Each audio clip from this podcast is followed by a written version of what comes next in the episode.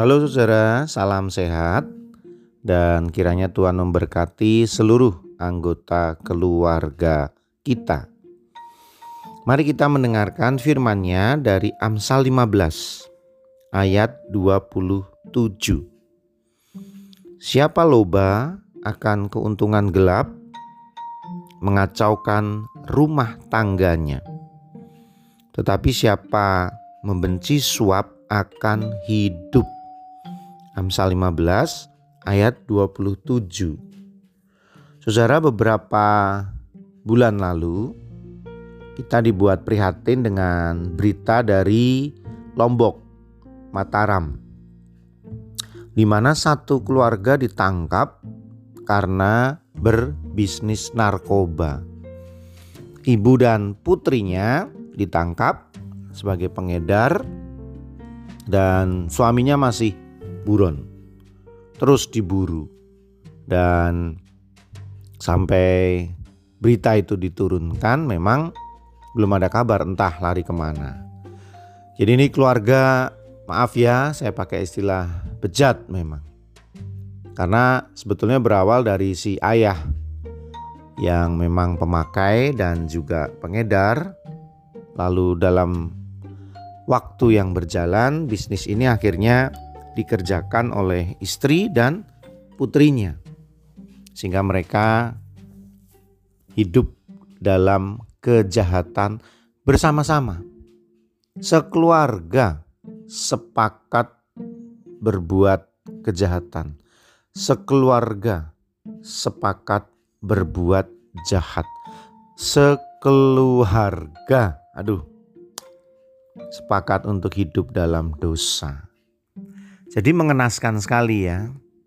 Ini peran ayah gagal, peran ibu gagal, peran orang tua gagal, tapi masing-masing saling menyesatkan. Nah, hal-hal semacam ini sungguh memprihatinkan kita ya. Walau tidak jarang kejadian seperti ini. Di mana anggota keluarga berlaku jahat, anggota keluarga berbuat dosa, tapi didukung oleh keluarga yang lain. Disetujui oleh keluarga yang lain. Jadi kesesatan dan kejahatan yang apa ada dalam hati anggota keluarga semakin menjadi-jadi atas dukungan seluruh anggota keluarganya. Sungguh memprihatinkan. Kita seharusnya sebagai keluarga penyeimbang. Sebagai keluarga sebagai rem. Sebagai keluarga sebagai penasihat satu dengan yang lain. Kan aneh ya rasanya. Masa Eh, nggak bener kok bareng-bareng gitu. Apakah nggak ada satupun dari anggota keluarga ini yang punya hikmat? Nyatanya enggak. Nyatanya enggak.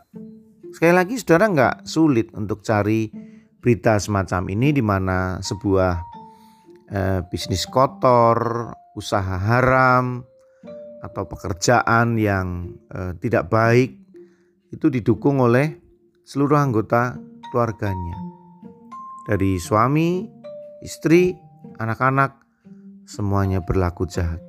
Geleng-geleng kita ya. Demikian juga dengan firman Tuhan yang kita baca hari ini. Dikatakan siapa loba, loba itu sangat menggemari atau rakus gitu ya. Sangat menyenangi, sangat menginginkan ya keuntungan gelap keuntungan yang tidak semestinya Keuntungan gelap berarti keuntungan dilakukan dengan cara curang, tidak terang benderang. Pasti akan kacau rumah tangganya. Ya, tentu saja saudara ya. Karena tidak ada kejahatan yang abadi. Pasti akan terkuak, terbongkar pada waktunya. Tidak bisa terus-menerus turun-temurun sampai keturunan ketujuh menikmati uang-uang haram itu. Tuhan akan menghentikannya apalagi korbannya semakin banyak.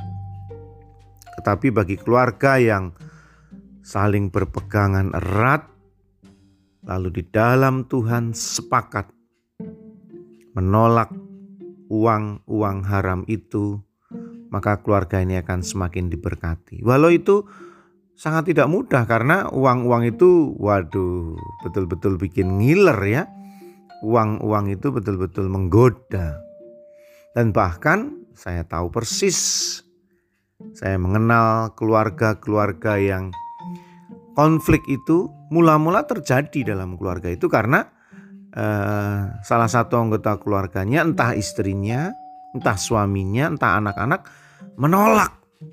Awalnya menolak uh, uang-uang yang tidak semestinya itu dibawa pulang. Walaupun yang bawa pulang ini ya entah bapaknya, entah ibunya, itu awalnya mengatakan nggak apa-apa, nggak apa-apa, tapi ada keluarga yang menentang, terus menentang, terus menentang dan akhirnya keluarga ini kembali di dalam Tuhan. Saudara-saudara, Tuhan menyediakan rezeki bagi kita. Dan rezeki di dalam Tuhan itu bisa saja tidak sebanyak dari yang iblis berikan caranya. Tapi percayalah, semua rezeki di dalam Tuhan akan berakhir bahagia. Seperti yang pernah saya katakan, tidur nyenyak, makan enak di hari tua. Itu rezeki berkat di dalam Tuhan. Mari merenungkannya. Bersama saya Pendeta Yudi dalam renungan emas esok masih ada solusi.